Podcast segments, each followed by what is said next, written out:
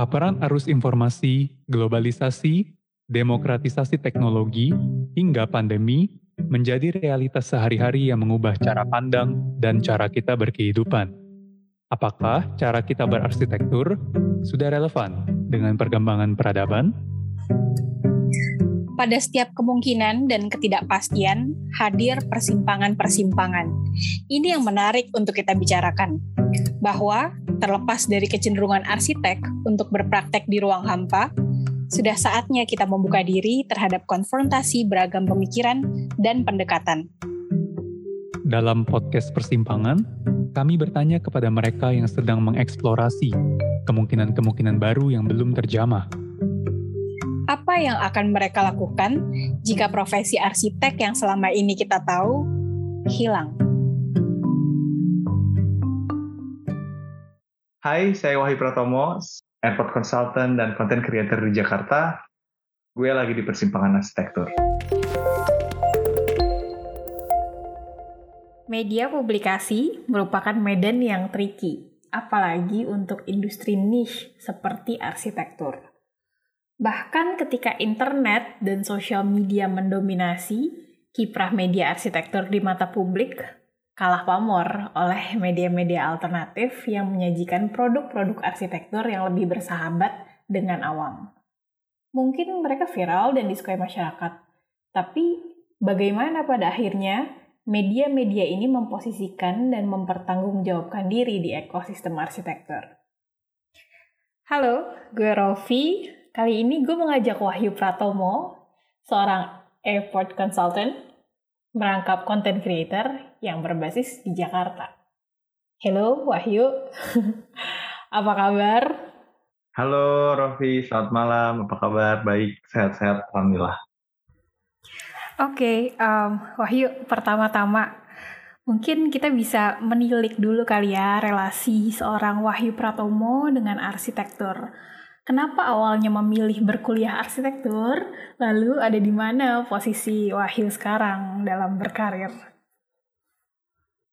Um, arsitektur itu sebenarnya bisa dibilang salah satu pilihan yang um, waktu SMA itu agak akhir-akhir tuh keluarnya ya. Awalnya sih kepinginnya tuh bener-bener full engineering gitu ya, yang teknis banget. Pokoknya pengen banget masuk di universitas yang ada di Bandung itulah gitu kan. Tapi akhirnya setelah menyadari uh, ngobrol sama teman, ngobrol sama guru, sama orang tua, akhirnya memilih arsitektur karena adanya apa ya irisan lah antara uh, sisi teknis dan juga sisi yang uh, desainnya nih. Jadi artnya tuh ada juga karena jujur dari kecil dari SD tuh uh, gue seneng banget sama gambar ya uh, uh, warna lah. Pokoknya itu yang ber berkaitan dengan visual tuh gue senang banget. Tapi memang uh, pada saat ini sih setelah lulus di arsitektur uh, ngambil kuliah lagi S2 dan itu pun masih di dalam let's say lingkup arsitektur ya di S2 gue ngambilnya lebih ke urban design ya. Jadi mungkin lebih skalanya lebih zoom out dari arsitektur. Dan sekarang uh, pekerjaan uh, somehow juga berkaitan dengan arsitektur tapi lebih khusus lagi lebih spesifik lagi di uh, perencanaan bandara atau airport ya. Jadi memang lebih banyak di sisi teknisnya nih kalau dari uh, kerjaan sekarang gitu ya dibanding mungkin uh, sisi desainingnya gitu lebih ke perencanaan. Nah, tapi memang at the same time untuk membalance keseriusan itu ya ke teknik-teknisan itu, um, gue juga main dalam tanda kutip sosial media ya uh, yang beririsan uh, yang arsitektur banget nih gitu dan uh, kebetulan sempat juga bikin YouTube dan sekarang lagi senang banget main Instagram yang memang ada hubungannya sama arsitektur sih gitu di sosial media ini. Jadi sebenarnya uh, first life itu lebih kerjaan yang um, let's say otak kiri banget gitu ya. Tapi at the same time yang uh, satu lagi nih yang part time-nya mm, mainnya sosial medianya itu juga uh, kita lakukan uh, lakukannya tuh di uh, evening atau di weekend gitu. Ya inilah having fun aja sebenarnya sih karena kalau fokus di satu hal tuh kayaknya bisa jadi stres stres beneran gitu sih. Nah ya gue tahu nih um, di samping karir profesional Wahyu Pratomo juga mengisi waktu luangnya dengan membuat konten Instagram dan YouTube bernama Do Not Settle yang dimulai di tahun 2015 ketika masih di Shanghai bersama seorang partner dari Belgia, Chris. Nah, Um, ingat dulu awalnya uh, lo eksplorasi rooftop gedung-gedung tinggi di Shanghai, um, post di Instagram, terus lanjut uh, dibikin buku, terus berkembang ke YouTube, um, dan Wahyu pindah ke Belanda gitu. Nah dari situ uh, gue liat lo mulai eksplorasi banyak hal terkait arsitektur, urbanism, travel, lifestyle, bahkan sempat bekerja sama dengan firma arsitektur uh, besar gitu ya kayak OMA, Big, uh, MVRDV dan bahkan lo jadi uh, kerjasama dengan Art Daily sebagai kontributor gitu. Terus lo pindah ke Jakarta gitu dan bam muncul konten viral di Instagram yang membahas tentang rumah dan segala perintilannya. Dari kacamata pasangan muda kelas menengah yang excited nih punya rumah pertama dengan segala hacks dan tips kocaknya plus review rumah-rumah uh, public figure yang kocak sih dan relatable gitu kali ya buat masyarakat Indonesia. So the question is, what's your take from running those accounts? Uh, what's the joy behind making the content? And uh, what exactly are you trying to deliver? Jadi thank you banget tapi sebelumnya throwback ya ini sebenarnya gue juga agak pas lo um, menjelaskan gitu ya what I have been doing gitu so far. Ya oh iya ya pernah gini pernah gitu. Terus sekarang gini sekarang gitu. Jadi um, it's quite a refreshing throwback lah. Uh, tapi memang kalau kita ngeliat perjalanannya sih emang di awal itu kan jadi uh, di awal itu memang awalnya itu di Shanghai ya karena waktu di Shanghai itu gue pindah dari Jakarta seorang diri sebatang kara tinggal di sana ya kayak teman baru lingkungan baru negara baru makanan baru semuanya baru jadi ada semacam um, you know kayak lu mesti um, uh, apa ya uh, melihat juga apa sih uh, opportunity yang ada di sana gitu ya. Nah waktu itu memang uh, pesawat partner gue di sana namanya Chris gitu ya. Kita emang uh, sering jalan-jalan nih. Kalau weekend tuh kita explore lah ke mana gitu ya. Memang yang paling kita dapet uniknya di Shanghai itu karena Shanghai itu punya punya punya urban um, apa ya urban shape yang unik. Dan itu tuh biasanya banyak dilihat dari gedung-gedung tinggi karena Shanghai salah satu uh, kota dengan high, uh, skyscraper ter, terbanyak di dunia ya setelah Hong Kong dan Dubai kalau nggak salah.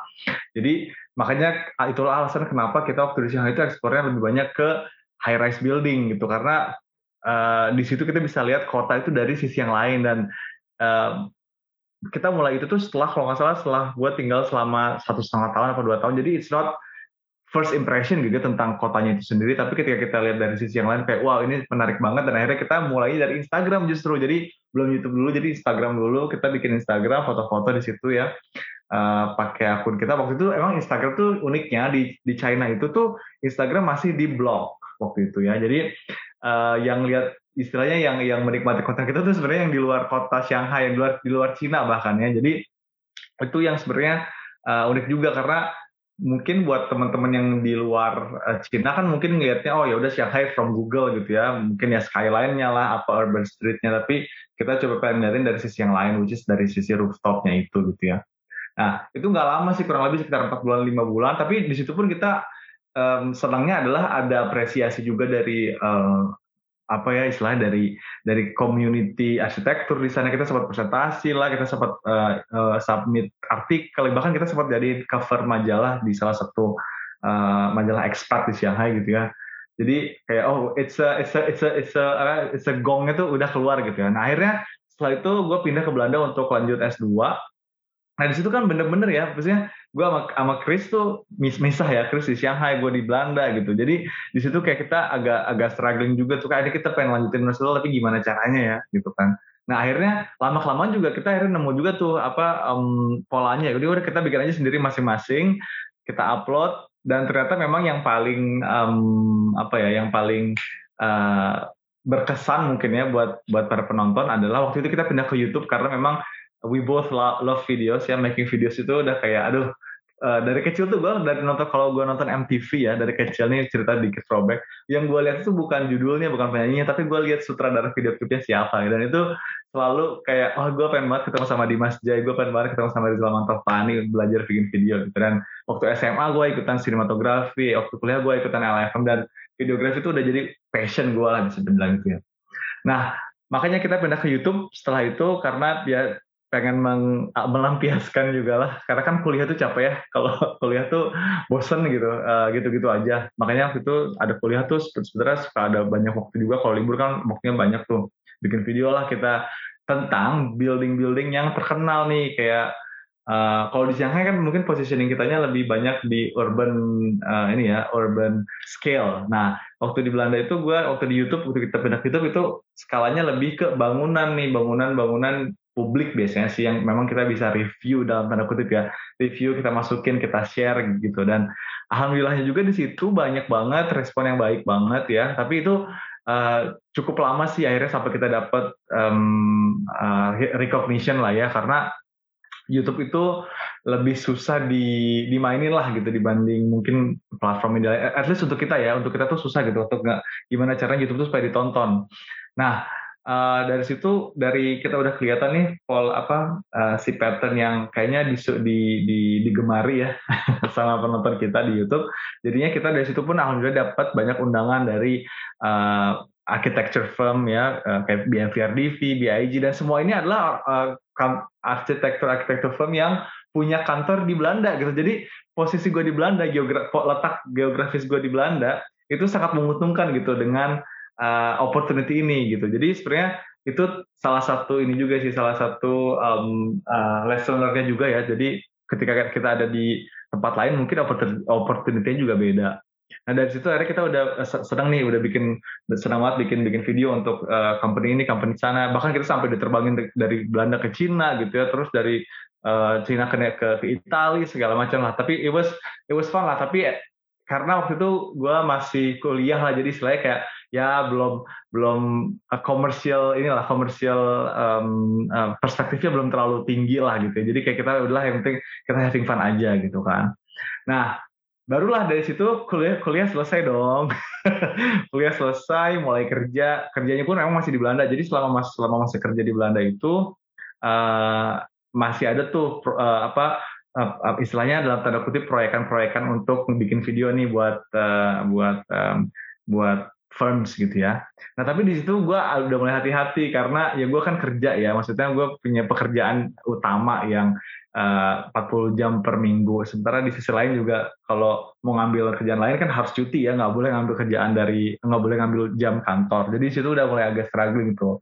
Sampai akhirnya setelah dua tahun gue pindah uh, kuliah uh, kerja di Belanda, gue pindah ke Indonesia. Meskipun sekarang gue masih kerja di kantor yang sama, tapi sekarang gue lebih fleksibel nih sekarang karena gue gue ada di Jakarta jadi time difference juga cukup eh, lima uh, jam enam jam ya tergantung winter summer. Jadi ada semacam uh, gap nih jadi nggak ada istilahnya nggak ada uh, ice yang yang ngeliatin gue kerja gitu ya. Padahal sebenarnya kalau gue sih kantor gue juga nggak gitu-gitu amat gitu ya. ini budaya Belanda sih mereka tuh lebih kayak udah yang penting kerjaan lo beres. Lo bisa deliver dengan uh, baik ya udah everything will be fine gitu. Dan dan dan gue selalu melakukan itu gitu. Deliver gue deliver label gue itu bagus semua gitu ya. Dan makanya jadi gue masih berani nih ngambil um, side hustle lah di kalau sekarang anak pada bilangnya side hustle entah ngajian apa pun itu gitu nah kalau ternyata pas pindah ke Belanda itu juga beda lagi opi opportunity-nya gitu ya. Makanya kemarin agak struggling pas pindah ke Belanda tuh gue kayak aduh gimana ya Dona Settle tuh kan sebenarnya lebih fokusnya kayak bangunan publik yang yang bisa dibilang mungkin lebih uh, lebih recognize ya sama audience uh, worldwide. Karena karena karena di Dona Settle tuh jujur aja audience kita tuh uh, lebih banyak emang worldwide gitu. Jadi English speakers lah ya. Sementara kalau di Indonesia kayaknya kita ngerasa kayaknya itu nggak cocok deh untuk dijadiin konten yang English full English. Terus kritik bangunan publik gitu ya. Sementara kita aja belum minim bangunan publik gitu kan di Indonesia. Jadi sebenarnya itu makanya agak ada sempat post tuh beberapa bulan. Sempat ada yang banyak yang nanya juga, kok, kok udah nggak upload lagi sih? Kalau udah nggak upload lagi, sih kayak nggak tarik gue nggak tahu mau upload apa gitu kan.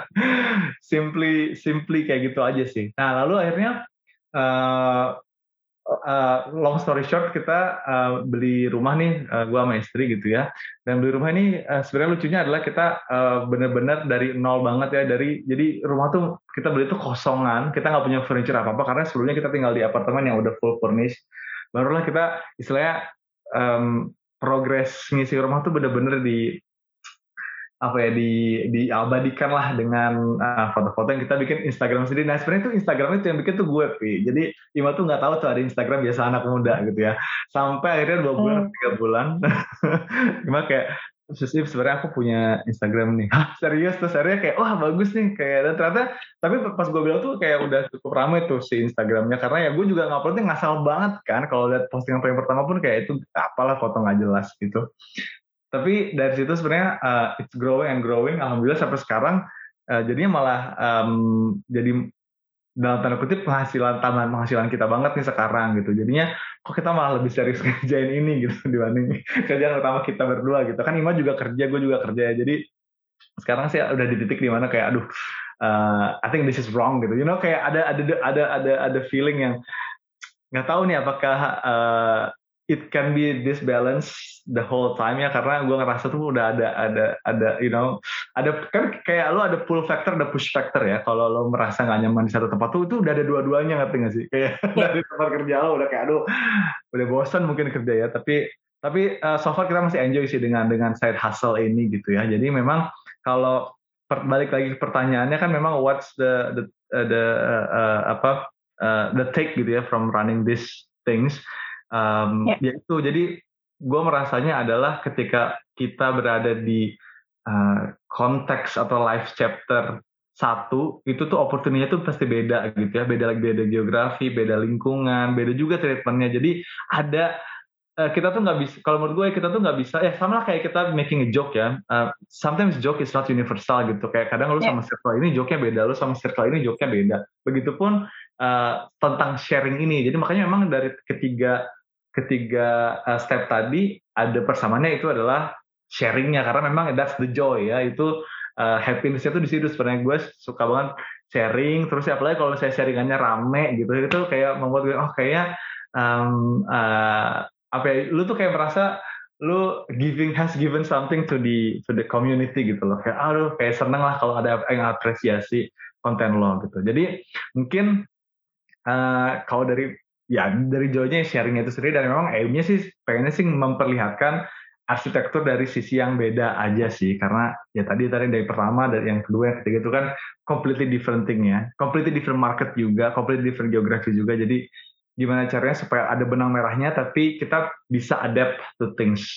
Justru menurut gue apa yang Wahyu kemas di Do Not Settle mulai dari Instagram terus habis itu ke YouTube terus dibawa sekarang nih ke biasa anak muda yang kita singkat jadi BAM ya uh, kebawa gitu sebenarnya dari segi visual uh, storytellingnya dari um, apa ya uh, cara menyampaikannya meskipun angle berbeda gitu yang satu uh, kalau misal mungkin kalau misalnya do not settle tuh ya tadi Wahyu sempat bilang kayak bisa audiensnya lebih aware terhadap um, kritik arsitektur gitu dan oh. dan uh, uh, angle-nya bisa lebih sedikit uh, intelektual gitu ya, agak setengah serius gitu. Tapi ketika ditarik ke biasalah anak muda, uh, mungkin uh, uh, vibe-nya lebih luas, lebih uh, dibawa bercanda gitu, kadang-kadang receh. Um, tapi kadang-kadang sih all the time actually. Oh receh, selalu receh. Uh, tapi uh, tapi ya benang merahnya tuh tetap di uh, visual storytellingnya itu yang yang sebenarnya itu just uh, kayaknya gue lihat emang kekuatannya Wahyu di situ gitu ya dari dari tiap-tiap akun yang di um, di handle gitu. Nah uh, sebenarnya um, apa sih uh, apa ya bagaimana karakter atau uh, unique traits yang Wahyu punya ini uh, akhirnya berperan dalam kiprah Wahyu sebagai content creator? Sebenarnya mungkin um, gue sendiri belum menyadari ya, maksudnya kadang yang yang bisa lihat itu kan yang menikmati konten ya. Tapi kalau yang gue rasakan adalah gue tuh mempelajari si semua itu ya uh, karakter dan unique traits dalam mengisi konten itu adalah uh, gimana caranya kita menyampaikan sesuatu itu dengan jelas, dengan uh, clear, dengan um, um, apa ya um, jadi istilahnya kayak ketika kita mesti di jualan pulpen kita tuh kita tuh tahu uh, kita tuh jualan apa untuk siapa berapa harganya dan kenapa kita jualan pulpen itu gitu ya nah itu sebenarnya gue belajar banget di arsitektur tuh dari mulai presentasi karena kan kalau arsitektur itu uh, sometimes it's not about um, apa ya uh, correct or incorrect ya. Jadi arsitektur just being good or bad aja sih menurut gue ya. Makanya itu sebenarnya yang yang gue pelajari adalah gimana cara kita meyakinkan dosen atau klien kita dengan uh, desain kita gitu bahwa desain kita ini yang terbaik untuk anda uh, dari analisis yang kita lakukan, dari opsi-opsi apa aja desain yang udah pernah kita pelajari, this is it gitu. Dan makanya itu pun yang gue pelajari ketika gue bikin konten adalah um, sejelas mungkin, sesingkat mungkin, dan semuanya tuh harus um, uh, ada risetnya lah, ada ada ada ada ada informasi yang sebenarnya uh, mungkin jauh lebih besar di, di belakangnya ya, tapi kita nggak tampilkan informasi itu secara se sebanyak itu. Jadi harus ada redaktif um, proses lah. Kurang lebih gitu sih, Pi. Oke, okay, oke. Okay. Uh, eh, kita bisa bilang nih bahwa apa yang Wahyu lakukan di Do Not Settle dan biasalah anak muda itu adalah indikasi bahwa saat ini media-media yang grounded muncul secara grassroots um, di-trigger dari internet dan sosial media platform. Dan mereka punya peran yang cukup krusial dalam uh, membentuk sentimen publik kalau misalnya nggak ada BAM gitu, uh, orang nggak akan bisa secara kolektif melihat sisi humor dari kemewahan rumah Raisa. Sementara sebenarnya mungkin hal-hal itu yang ada di pikiran kebanyakan orang ketika mereka nonton uh, YouTube um, tour ke rumahnya Raisa gitu, ketimbang komentar-komentar teknis soal pemilihan warna, pemilihan material, lewat ruang gitu. Nah, gimana sih Wahyu memposisikan um, biasalah anak muda gitu dengan role yang uh, lo punya sekarang gitu? Mm-hmm. Jadi memang kalau kita ngomongin arsitektur ya, mesti kita semua pasti um, tahu lah apa itu arsitektur dan uh, bisa dibilang tuh arsitektur itu ada di mana-mana lah. Tapi coba deh kalau kita pikirin, arsitektur itu yang paling dekat adalah rumah kita sendiri, uh, kamar kita sendiri, tempat tidur kita sendiri gitu. Which is itu yang sebenarnya uh, mau BAM posisi atau biasa anak muda ini posisikan saat ini gitu. Bagaimana caranya kayak kita menyadari bahwa arsitektur arsitektur itu sedekat itu loh. Apalagi sekarang kita kebanyakan di rumah ya uh, eh, WFH gitu ya. Itu orang apa awareness tuh orang makin tinggi gitu. Dan menurut gue ini adalah kenapa mungkin salah satu faktor kenapa mungkin bisa anak muda bisa secepat itu growth-nya juga mungkin gara-gara emang ada semacam awareness dari uh, audiens kita bahwa it's important to have a nice house yang yang nyaman, yang enak buat ditinggali, yang enak buat kerja gitu. Jadi itulah yang kita uh, upayakan juga gitu. Dan, dan dan jujur aja itu berangkat dari emang pengalaman kita pribadi ya. Kenapa kita beli rumah kenapa akhirnya kita mau ngisi rumah dengan ya hati-hati gitu ya. Jadi memang ada kegelisahan dari diri kita juga yang akhirnya ternyata banyak juga orang yang merasakan hal yang sama gitu. Dan karena itu juga arsitektur itu uh, yang kita tahu memang arsitektur itu uh, ya well it's um, apa ya it's a, it's a niche uh, knowledge ya ada ada community-nya ada let's say ada uh, SJW-nya tuh ada ya. Tapi gue merasa arsitektur itu milik semua orang. Jadi pembahasan arsitektur itu harus inklusif. Memang ada mungkin ya, um, bukan ada lagi mungkin most of the architecture forum itu ya membahas tentang uh, the depth of the design, knowledge, theory, and everything. Tapi belum kebanyak belum banyak nih um, media arsitektur yang justru bahasanya itu bahasa yang dalam tanda kutip milik semua orang gitu ya milik milik um, uh, uh, non architects uh, people gitu. Nah, merakyat gitu ya. Merakyat itu. Dan menurut gue itu uh, digitalisasi itu membuat semua ini menjadi menjadi mungkin. Makanya uh, gue pengennya sih oke. Okay. ya oke okay, I mean kita gue sama Ima dua-duanya lulus arsitektur gitu. Kita bisa banget nih bahas arsitektur dari sisi yang teknis ya. Kayak gimana caranya bikin kolom yang nggak rusak atau bikin material yang detail sambungannya tuh bagus gitu ya. Bisa cuman um, kita justru pengennya ngelihat dari Oke, okay, yang kira-kira dari uh, uh, um, orang yang belum tahu nih apa sih gitu ya dari dari dari rumah aja dulu deh. Memang sebenarnya mimpi kita sih sebesarnya ke, ke depannya sih mungkin bukan rumah aja ya, tapi at this point of time kita sih pengennya ngebahas rumah dulu gitu dan dari kehidupan sehari-hari makanya uh, kita sekarang ngebahas rumah-rumah artis lah karena ya itu yang uh, sebenarnya bukan bukan bukan masalah um, uh, jadi kalau rumah artis itu adalah ada dua ada dua kata kuncinya nih. Yang pertama rumahnya, yang kedua artisnya. Rumahnya itu adalah sebenarnya kontennya, tapi artisnya itu adalah jembatannya supaya kita bisa nyampe ke orang-orang yang belum mengerti arsitektur gitu sih sebenarnya. Jadi all these uh, things are somehow has been thought. has been thought ya. Yeah. But uh, yeah, we'll see. Oke, okay. nah sebenarnya sebelum ada sosial media, ada gap antara media cetak yang prestigious dan idealis dalam membahas per perkembangan arsitektur. Tapi ada juga yang memang tujuannya untuk memberitakan hal-hal praktis untuk masyarakat awam gitu. Uh, tadi lo juga udah bilang, antara keduanya menurut gue ada jurang yang sangat besar gitu. Um, soal financing the media, the ethics, um, kualitas kontennya juga beda.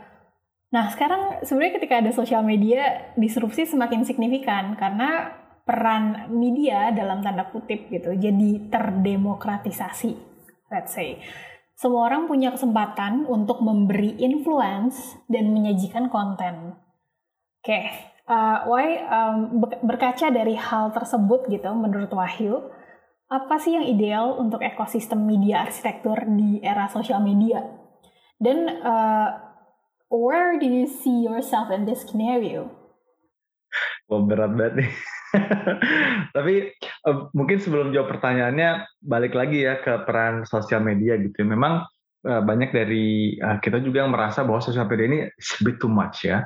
Jadi becomes a disruption lah mungkin yang tadi uh, bilang juga ya. Tapi kalau menurut gue sih ada sisi di mana hey kayaknya mungkin orang-orang yang melihat ini sebagai disrupsi ya mungkin orang-orang yang nggak mau open the door yang hanya melihat itu dari sisi negatifnya aja gitu karena um, menurut gue the world is is evolving ya. So are we. Jadi kita juga harus beradaptasi dengan apa yang yang yang kita yang kita uh, ya yang kita geluti saat ini gitu ya. Apa pun sekarang hidup kita tuh semuanya sosial media gitu dan um, mau nggak mau ya itu tuh membantu hidup kita juga gitu ya maksudnya um, meskipun lo nggak main gitu tapi ada juga ada impactnya buat hidup kita gitu entah dari keluarga atau atau kerjaan atau segala macam itu pasti ada gitu kan. Jadi makanya sebenarnya um, menurut gue demokratisasi media itu uh, adalah salah satu step terbesar di abad ini sih. Jadi regardless plus minus ya regardless ada jeleknya atau baiknya tapi informasi itu sekarang terasa lebih dekat sama kita. Dan kita juga jadi lebih uh, bisa filtering informasi apa aja yang bisa masuk ke uh, diri kita sendiri gitu. Nah makanya sebenarnya kalau masalah media sosial media itu nggak sebenarnya nggak ada yang ngatur nih. Jadi ya wah ada lah ya mungkin pasal-pasal things yang uh, diatur oleh negara oleh uh, kode etik dari sosial media tersebut. Tapi menurut gue tuh nggak um, ada yang men, men, menjudge ideal atau atau not ideal gitu ya. Karena yang nilai itu ya yang nonton gitu. Jadi yang menentukan adalah yang nantinya jadi jadi nanti mungkin jadi sosial media itu sebenarnya menurut gue um, apa ya semacam uh, simulasi lah gimana kalau kita sebenarnya bisa bisa juga kita uh, melakukan apa ya trial atau kita pengen sharing segala macam tapi memang yang yang yang uh, yang menilai itu adalah nantinya dilihat dari um, yang men, yang yang menyaksikan gitu, yang yang apa yang menikmati gitu. Dan dan dan itu sebenarnya menurut gue salah satu apa ya uh, step yang kita nggak pernah nyangka loh di 10 tahun yang lalu, 20 tahun yang lalu kita tuh kayak gini sekarang gitu. Jadi adaptability balik lagi menjadi salah satu hal penting sih menurut gue uh, di dunia digitalisasi kayak gini. Oke, okay. um, where do you see yourself in this scenario gitu? Jadi uh, mungkin lebih ke um, dengan platform yang lo punya dan mungkin dengan uh, say power gitu yang lo punya sekarang atau uh, akses yang lo punya sekarang gitu. Um, uh, where is this moving forward gitu buat buat Wahyu? Um, sebenarnya mungkin bisa dibilang um, kalau kita ngomongin um, arsitektur ya desain gitu ya um, uh, atau mungkin um, ya siapa pun yang terlibat di situ ya nggak nggak nggak cuma arsiteknya atau developernya atau desainernya atau um, yang punya rumahnya gitu ya. Everybody wants to be um, a star ya. Jadi sebisa mungkin uh, kita atau gue at least mencoba menjadi galaksi. So I we give you a platform. Siapa yang yang mau uh, jadi star I'll I'll I'll help uh, uh, to get there gitu makanya waktu di dunia satu pun kita kan kayak oh, kita lebih approach-nya nih ke uh, firms-firms yang ya emang arsitek lah ya. Mereka pengen diliput mereka pengen dibikin video gitu. Termasuk mungkin sekarang biasa anak muda juga kita uh, rumah-rumah artis gitu ya. Atau atau kadang sekarang kita justru lebih ngincernya sih uh, yang mungkin lebih komersialnya mungkin developer gitu ya. Atau atau branding uh, designer ya. Furniture lah apa gitu. Jadi itu sih sebenarnya sih yang pengen kita uh, uh, apa ya mediasikan lah gitu. Karena of course ya se uh, semua itu punya ambisi lah dengan dengan karakter kita nih dengan yang uh, kita punya uh, platform yang mungkin yang yang receh lah atau yang mungkin uh, down to earth humble yaitu kita bantu untuk reach orang-orang yang memang uh, atau marketnya yang di arah sana gitu. Jadi so ya it's ya again lah ini sebenarnya menjembatani juga lah istilahnya dalam tanda kutip memasyarakatkan arsitektur, uh, arsitek, desain, and everything ke uh, let's say market yang lain gitu atau market yang mungkin uh, uh, sebelumnya belum pernah kepikiran gitu dari dari sisi arsitek gitu sih. Oke okay, oke. Okay. Nah, why menurut gue nih, your mojo is in storytelling. And you utilize it well into your YouTube content dan sekarang Instagram content. Meskipun mungkin kelihatannya kayak simple dan effortless, sebenarnya apa yang lo tuangkan di konten lo itu sesuatu yang terbentuk dari yang udah diasah dari sekolah arsitektur juga kan. Gimana kita mengkomunikasikan ide, supaya cepat nyampe ke orang melalui grafis dan trik-trik konten yang kalau orang Korea bilang tuh ih bisaan eh nah boleh nggak sih lo elaborasi apa sih yang uh, lo lakukan gitu di konteks biasalah anak muda dari perspektif storytelling ini? Itu jujur itu adalah mungkin salah satu salah satu um, uh, unique selling point kita yang paling besar tuh adalah di jualan ya dalam tanda kutip jualan. Karena kalau lo lihat sekarang Instagram anak muda itu isinya 100% itu sponsor ya. 100% itu endorsement. Dan um, ya it's, eh, ya itu sebenarnya lebih ke ideologi lah. Tapi uh, gue merasa sih masih mungkin kita kayaknya nggak uh, nggak bisa terus-terusan kayak gitu tapi ada the juga hmm uh, very tempting ya endorsement itu. Jadi makanya kita tuh we we actually think really really hard ya. Kita tuh benar-benar mikirin gimana caranya supaya konten ini tuh nggak jadi hard selling ya. Dan menurut gue dan itu juga menurut gue itu adalah seni kita seni di mana kita bisa tahu um, audiens kita seperti apa. Dan everybody hates ads ya. Everybody hates sponsor. Everybody hates uh, uh, uh, dijualanin gitu ya. Di di di ya kayak asuransi lah dijualanin gitu ya. Makanya gimana caranya supaya sebisa mungkin uh, si produk itu tuh bisa nyampe ke orang-orang tanpa harus kita um, uh, uh, gambling dikasih produk nih ini produk kan ini beli sekarang harganya murah bla bla bla nggak gitu. Jadi lebih kayak gimana caranya supaya bisa relate sama orang ya gitu ya. Jadi kalau misalnya mungkin uh, yang paling terakhir yang paling terakhir banget konten naik itu adalah kita bisa kita disuruh jualan um, device internet ya. kita tuh bingung banget, aduh device internet udah hari ini tuh internet lagi jelek banget lagi kan kayak itu sama lagi ini si brand ini sama banget provider ini sama gitu kayak aduh gimana nih cara jualannya kan. Nah, ya udah akhirnya kita kita akhirnya masukin dia itu di akhir dari store kita tentang gimana cara yang upgrade ruang kerja lo gitu ya. Gimana cara upgrade ruang kerja lo ya satu dikasih lampu, dikasih tanaman, dikasih uh, postcard postcard lucu gitu ya. Nah, baru di akhirnya dimasukin lah tuh si produk yang baru masuk. Jadi sebenarnya menurut gue itu ya itu let's say itu sebenarnya mungkin storytelling yang paling kecil ya. Itu uh, uh, uh, aspek atau uh, skill yang paling sederhana mungkin yang bisa kita aplikasiin dari sosial media gitu ya. Gimana cara kita bisa nyampaikan nggak mesti jualan lah apa pun lah. Mungkin kita mau menyampaikan bahwa um, misalnya ya rumah kita paling keren di antara semua rumah di Indonesia misalnya kayak gitu. Ya. Misalnya punchline seperti itu. Tapi gimana cara kita nyampein itu supaya nyampe dan uh, uh, masuk gitu ke orang uh, dan dan dan we actually receive a very nice feedback gitu ya. Mereka bilang kayak, well actually kita nggak pernah bosan sama konten kalian nih meskipun emang uh, emang iklan. We actually watch it and they they they said they they enjoy the the the video, the the, the content dan the caption and everything. Jadi menurut gue adalah uh, itu yang Gak, karena memang sosial media it's all about storytelling ya, it's all about uh, gimana caranya en bikin engagement. Engagement itu like, kata-kata yang paling sering gue dengar sekarang. Engagementnya berapa, yeah. ritualnya berapa, like oh god, like what the hell is this engagement damn thing ya.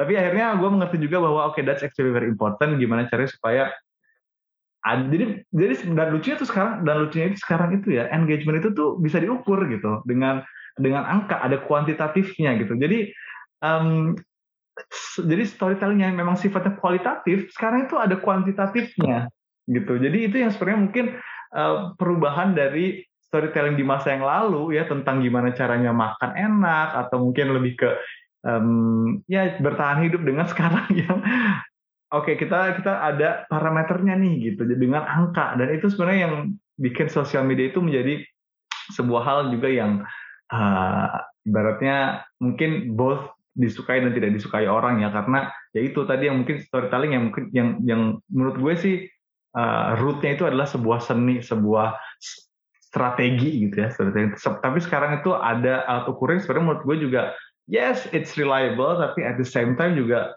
um, it doesn't tell 100% how engaging that post really really is gitu ya jadi ya gitulah memang uh, dua sisi lah yang uh, terbandingan sekarang.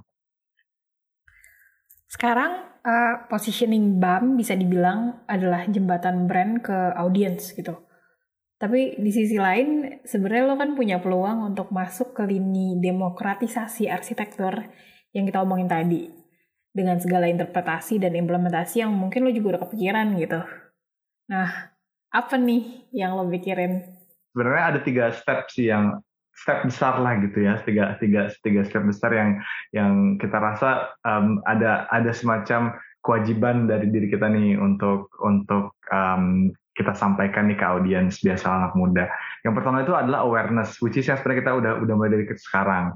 Nah awareness itu maksudnya gimana? Adalah makanya ketika kita review rumah artis lah, rumah Nobita lah, rumah siapa, kita tuh pengen tahu, kita tuh pengen kayak ngasih um, awareness bahwa ada loh bad design dan good design itu sih yang yang per, yang yang paling awal banget lah kayak misalnya kemarin kita ngomongin um, apa ya warna cat gitu ya atau atau lah sesimpel mungkin pola wallpaper misalnya gitu ya ada yang kayak misalnya toh makanya sebenarnya kita tuh supaya gimana supaya ringan adalah kita memposisikan kita tuh sebagai personal personal view ya. Jadi kayak makanya kita selalu pakai subjek itu selalu aku. Nggak pernah kita nggak pernah kita apa kami. Tapi aku. So it's like it's all it's it's all about me gitu ya. Jadi oh nggak kayak di rumah aku yang kayak gini. Eh nggak kalau menurut aku sih jelek kalau menurut aku sih bagus. Jadi it's jadi benar-benar personal. Tapi at the same time juga gue pengennya sih ada ada semacam influence sedikit lah awareness ke orang-orang yang nonton. Nah step yang kedua itu adalah eh, kita pengennya ngasih sedikit educate ya. Jadi ada ada sedikit edukasinya nih untuk nonton. Dari uh, apa yang kita udah pelajari sebagai Eh, mantan mahasiswa arsitektur gitu ya, atau desainer ya. Dari makanya kalau mungkin beberapa um, tanda kutip teori yang pernah kita sampaikan ini kayak kayak misalnya um, um, nonton rumah Nobita gitu ya. Gimana caranya rumah Nobita direnovasi ya gitu ya. Makanya kita kan ada sedikit tuh kita ganti-ganti denahnya nih supaya bisa uh, kamarnya mungkin ada jendelanya lah ada apanya lah gitu ya. Uh, terus mungkin ngebahas rumahnya siapa yang kita bahas juga oh ini mungkin kayaknya kalau ini lebih simetris lebih bagus deh gitu. Jadi uh, dari awareness kita level yang keduanya adalah si educate itu. Tapi mungkin level yang ketiga ini yang mungkin kita masih belum tahu reach-nya sampai mana ya um, maksudnya kita akan sejauh apa nih intervensinya tapi lebih ke uh, independence key. Jadi benar ya uh, aku independence key. Jadi benar jadi lebih ada semacam um, gimana sih kalau mungkin kasarnya how to be an architect for your own house. Tapi itu menurut gue itu terlalu apa ya terlalu muluk-muluk. Uh, terlalu tinggi banget gitu. Makanya hmm. sebenarnya at least yang gue pengen ini ini ini benar-benar mimpi, mimpi kita sih adalah gimana at least tuh orang ketika mau punya rumah atau mau desain rumah itu they have options itu aja they have options kayak misalnya makanya kemarin kayak gue uh, apa ah, warna cat nih ada warna cat hijau, warna merah, warna kuning. Gimana cara supaya mereka tuh punya opsi gitu, nggak cuman um, ah mau beli warna hijau bagus sih soalnya ngelihat gambar di Pinterest gitu. Jadi kayak ya it's, ya oke okay, it's it's a first step tapi menurut gue kayak dengan punya pilihan lo tahu mana yang terbaik dan itu menurut gue itu kayak pelajaran paling penting juga yang gue pelajari di arsitektur adalah membuat alternatif. Jadi itulah yang paling, at least sekarang ya untuk sekarang sih mungkin belum jadi arsitek, tapi oh, mungkin belum harus uh, bisa desain sendiri, tapi at least lo punya opsi. Ketika lo harus memutuskan sesuatu yang sifatnya designing the house gitu sih. Ini mungkin pertanyaan terakhir kali ya. Uh, kita coba berandai-andai dengan dengan segala macam fakta yang tadi kita bicarakan ya era hmm. sosial media, internet, demokratis, demokratisasi informasi dan sebagainya gitu. Um, I think uh, we're heading way closer to the future kan, uh, to uh, and, and, and we have to explore the unknown gitu. Nah, um, pertanyaannya gitu, uh, kalau misalnya um, profesi arsitek yang lo tahu, yang kita tahu um, hari ini gitu, hmm. um, somehow di di hari-hari ke depan akan punah. Um, apa yang kira-kira lo bisa lakukan dari your set of skills and knowledge gitu untuk uh, untuk moving forward gitu either either for the architecture or for the profession gitu kayak menurut lo gimana Um, wow menarik banget nih. Um, Sebenarnya mungkin uh, satu hal yang paling gue pelajari ya dari um, dari arsitektur mungkin ya dari uh, berpendidikan di arsitektur adalah bagaimana to convince, to communicate, to tell the story gitu ya supaya lebih nyampe. Jadi dan itu pun yang gue sekarang usah, di, kita usahain uh, di sosial media gitu ya selain emang di kerjaan gue juga gue mesti presentasi ke klien lah ke bos gue gimana caranya apa desain desain gue segala macam gitu ya. Tapi um, memang storytelling sounds a very uh, apa ya shallow theory gitu ya shallow ah itu mah ngemeng doang gitu maksudnya. Tapi uh, behind behind that word itu sebenarnya menurut gue kayak ada seninya gitu loh. Storytelling itu ada ada ada nggak bisa dianggap cuma skill yang uh, ecek-ecek lah gitu. Karena gue pernah pernah, pernah pernah baca artikel. Jadi salah satu sebenarnya semua yang terjadi di dunia ini tuh adalah storytellingnya gue dari storytelling gitu. Kayak um, lu uh, minum obat itu biar sembuh. Itu, itu itu kata orang storytelling gitu ya. Dan ya kenapa bisa sembuh? Saya kayak lu makan biar gak mati itu storytelling. Dan kayaknya menurut gue salah satu storytelling yang paling besar di hidup kita itu adalah uang ya. Jadi kayak uh, lo membeli, lo tuh punya sesuatu itu harus beli pakai uang dan uang itu siapa yang menciptakan kayak jadi so yeah, back to the you know history and everything. Tapi um, mengconvince orang untuk jadi untuk telling the story itu kayaknya me, apa ya salah satu dasar dari peradaban manusia sih dan uh, mungkin kalau sekarang kita tarik ininya ya tarik yang ya leselah uh, uh, salah satu saat kita petik daunnya aja dari satu pohon tentang storytelling ya uh, di sosial media ini jadi suatu wadah uh, supaya kita bisa bertahan juga gitu di, untuk di kemudian hari gitu kan. Karena menurut gue um, dia storytelling itu nggak diajarin di semua um, let's say di semua plat atau di semua um, uh, lini pendidikan ya. Kayak ya gue nggak gue juga nggak tahu ya gue nggak pernah sekolah di um, uh, informatika atau gue nggak pernah sekolah di farmasi misalnya. Tapi gue rasa di arsitektur itu kita punya porsi yang lebih dari sisi storytelling uh, karena kita juga diajarin bukan dari uh, bukan hanya dari um, apa oral tapi juga dari um, visual gitu ya. Dan menurut gue itu salah satu kelebihan kita. Jadi so yeah I think communication storytelling will be a very very important skill for unlimited time Awesome. Makasih Wahyu atas waktunya di sesi kali ini. Oke, sampai ketemu di persimpangan selanjutnya.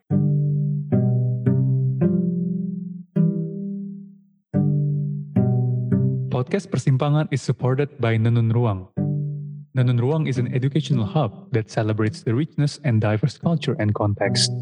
It aims to reach out, collaborate, discuss, and disseminate knowledge, skills, and discourses for progressive and creative architectural design education in Indonesia.